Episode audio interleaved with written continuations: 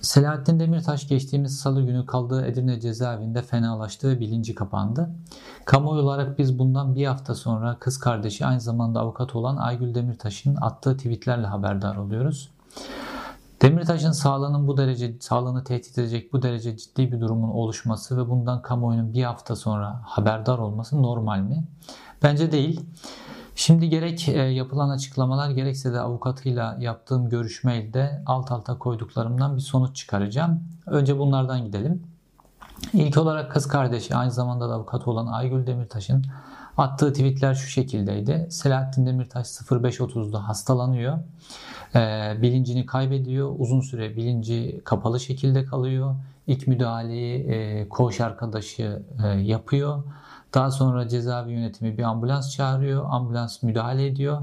Selahattin Demirtaş bir acil servise kaldırılmak yerine daha detaylı tetkiklerin yapılacağı bir kliniğe, bir hastaneye sevk edilmesini istiyor. Fakat aradan geçen 7 güne rağmen e, Selahattin Demirtaş bir hastaneye sevk edilmiyor. 7 günün sonunda da sevk edilmeyince artık kız kardeşi bunu Twitter'dan duyurma yolunu seçiyor ve Twitter'dan duyurduktan sonra da bugün öğle pazartesi günü öğleden sonra yani bir hafta sonra yaklaşık e, Selahattin Demirtaş bir hastaneye sevk edildi.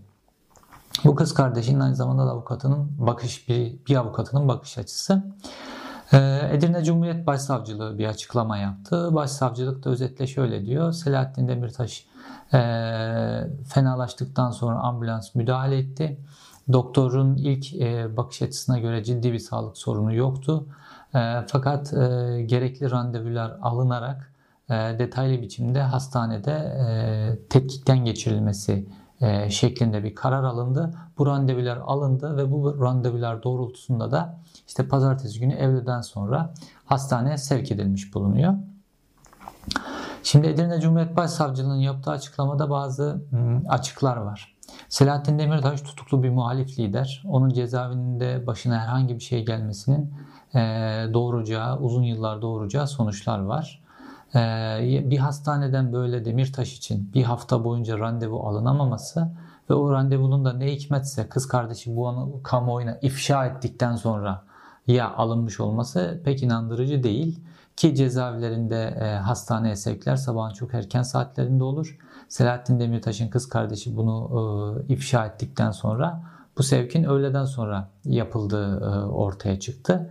Yani bu sevk, e, bu ifşa yapılmasaydı muhtemelen e, bu sevk de yapılmayacaktı. Şimdi gelelim olayın diğer tarafına avukatıyla yaptığım görüşmeye. Avukatıyla yaptığım görüşme bu Edirne Cumhuriyet Başsavcılığı'nın açıklamasından ve Selahattin Demirtaş'ın hastaneye sevk edilmesinden çok kısa bir süre önceydi. Ee, avukata şu bilgileri verdi. Neden dedim bir hafta boyunca kamuoyundan bunu gizlediniz e, ya da kamuoyuna açıklamadınız. Avukatının gerekçesi şöyleydi. E, biz zaten Selahattin Demirtaş e, hastalandıktan sonra yani salı günü sabaha doğru salı günü bir görüşmemiz olmamıştı. Çarşamba, perşembe e, bir görüşmemiz olmamıştı. E, Cuma günü böyle bir e, görüşme gerçekleşti Demirtaş'la.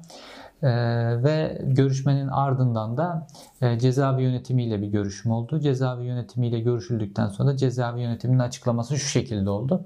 Demirtaş'ın hastaneye sevki için belli güvenlik önlemlerinin alınması gerekiyor. Ee, bu güvenlik önlemlerini alıyoruz. Bu güvenlik önlemlerini alır almaz da hastaneye Demirtaş'ı sevk edeceğiz. Fakat aradan cumartesi geçiyor, pazar geçiyor, pazartesi günü geçiyor ve e, hastaneye sevk edilmeni öğrenince bu sefer e, karar alıyorlar ve Demirtaş'ın bu durumunu kamuoyuna ifşa ediyorlar sosyal medya üzerinden. Şimdi birincisi Demirtaş gibi e, siyasi tutuklu bir liderin e, en azından nöbetleşi bir avukat grubu tarafından her gün ziyaret edilmesi, ona kamuoyunun nabzının aktarılması, ondan bazı bilgilerin alınması gerekiyor. Demirtaş da böyle birkaç günü aşkın süre görüşülmemesinin e, kabul edilir bir tarafı yok bence. Olayın ikinci bir tarafı e, avukatların e, yani Türkiye'deki cezaevi olaylarına, cezaevlerindeki tutukluların durumuna en çok e, Kürt hareketinin içerisindeki insanların bilmesi gerekiyor. E, ben de kısa süreli bir cezaevi deneyimimde bunu görmüştüm. Cezaevinde sağlık imkanlarına ulaşmak inanılmaz zor. Günler, haftalar sürüyor. Dolayısıyla burada tek elinizdeki silah olayı ifşa etmek.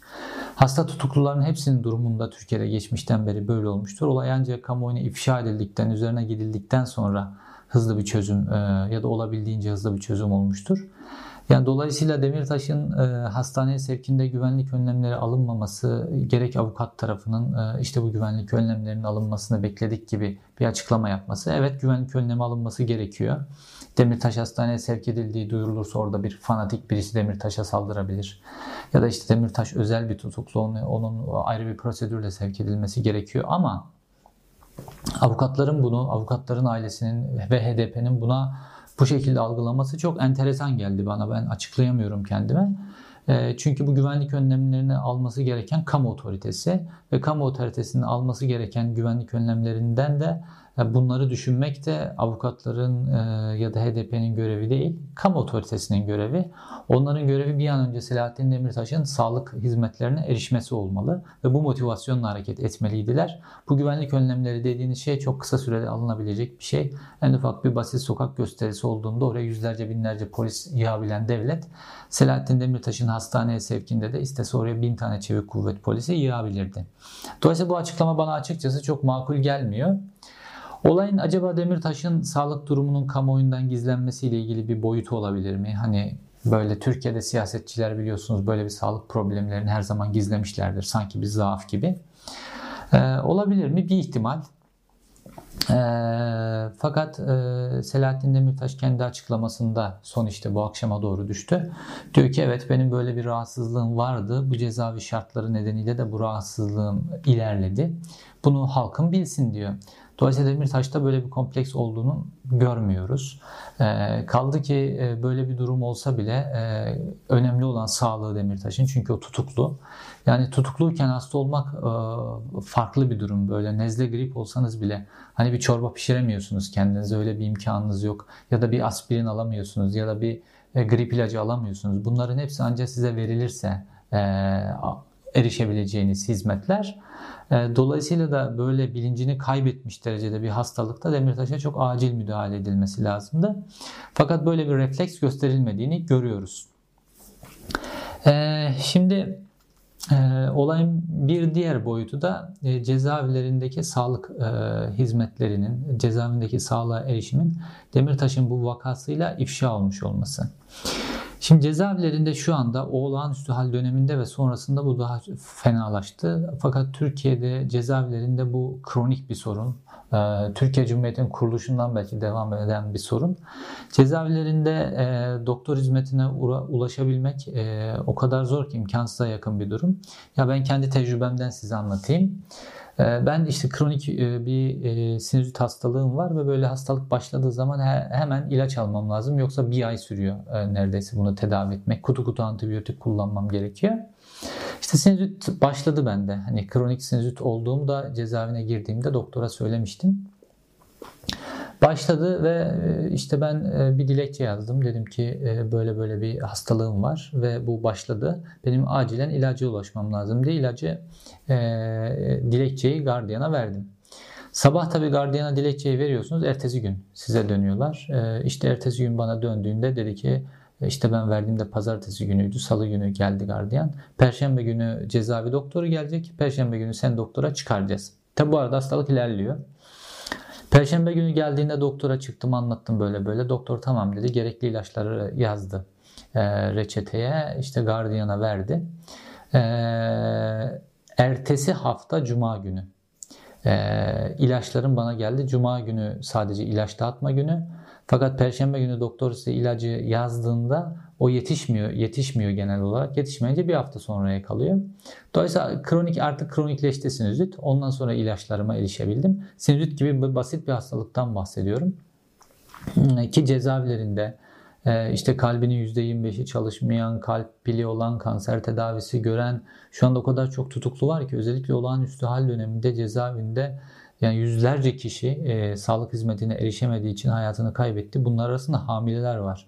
E, yani tetkikleri doğru düzgün yapılmadıkları için e, çocuklarını kaybettiler. Mesela Nur Hayat Yıldız ikiz bebeklerini e, cezaevinde bu şekilde e, sağlık hizmetine erişemediği için kaybetti. Bunun gibi kronik kanser hastaları mesela tedavileri artık böyle ölüm evresine girdikten sonra tahliye ediliyorlar ve ondan sonra hayatlarını kaybediyorlar. Bu Türkiye'nin öteden beri var olan bir sorunuydu. O hal döneminde daha da kronikleşti.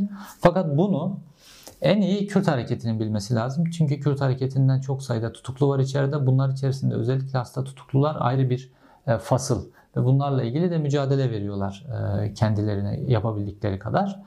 Ee, şimdi Selahattin Demirtaş'ın böyle bir durumu, bilincini kaybetme durumu buna acilen müdahale edilmesi gereken bir durumken bunun böyle bir hafta e, kamuoyundan gizlenmesi e, kabul edilebilir bir şey değil. Kürt hareketi gerek böyle e, insan hakları ihlallerinde gerek işkencede e, bunun kamuoyuna e, ifşayla ancak üzerine gidilebileceğini ancak çözülebileceğini e, test etmiş, e, defalarca tecrübe etmiş bir hareket. E, burada bir Demirtaş'ın durumunda bir ihmal var. Fakat bu son dönemde Demirtaş'ın Kürt hareketi içerisinde konumlandırılmaya çalışıldığı yerle de ilgili belki biraz. Yani Selahattin Demirtaş şu an e, işte bu Kürt hareketiyle toplumun farklı kesimleri arasında bağ kurabilen, e, empati kurabilen ve o toplumun farklı kesimlerini kendine bağlayabilmiş ve oy oranını HDP'nin tarihi noktalara çıkartabilmiş bir lider. Ee, ve tutuklu bir muhalif lider. Selahattin Demirtaş'ın bu tutuklu muhalif lider pozisyonu şu anda HDP'de neredeyse hiç gündem olmuyor artık. Yani Selahattin Demirtaş'tan bazen Selahattin Demirtaş'ın kamuoyuna açık siyasi analizlerini bazen haftalarca duymuyoruz. E, tweet atılmıyor haftalarca hesabından ya da açıklamaları kamuoyuna ulaşmıyor. İşte buradaki zaaflardan biri de burada ortaya çıktı.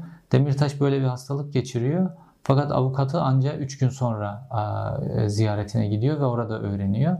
Yani Demirtaş gibi bir siyasi tutuklu liderin e, düzenli e, avukat ziyaretlerinin yapılması lazım her gün. HDP'nin Kürt hareketinin bunu e, organize edebilecek güçte ve kabiliyette olması lazım. Sadece İstanbul'da e, bu derece e, avukat bulabilirler. Kaldı ki Edirne'de yerleşik avukatlar da vardır muhakkak.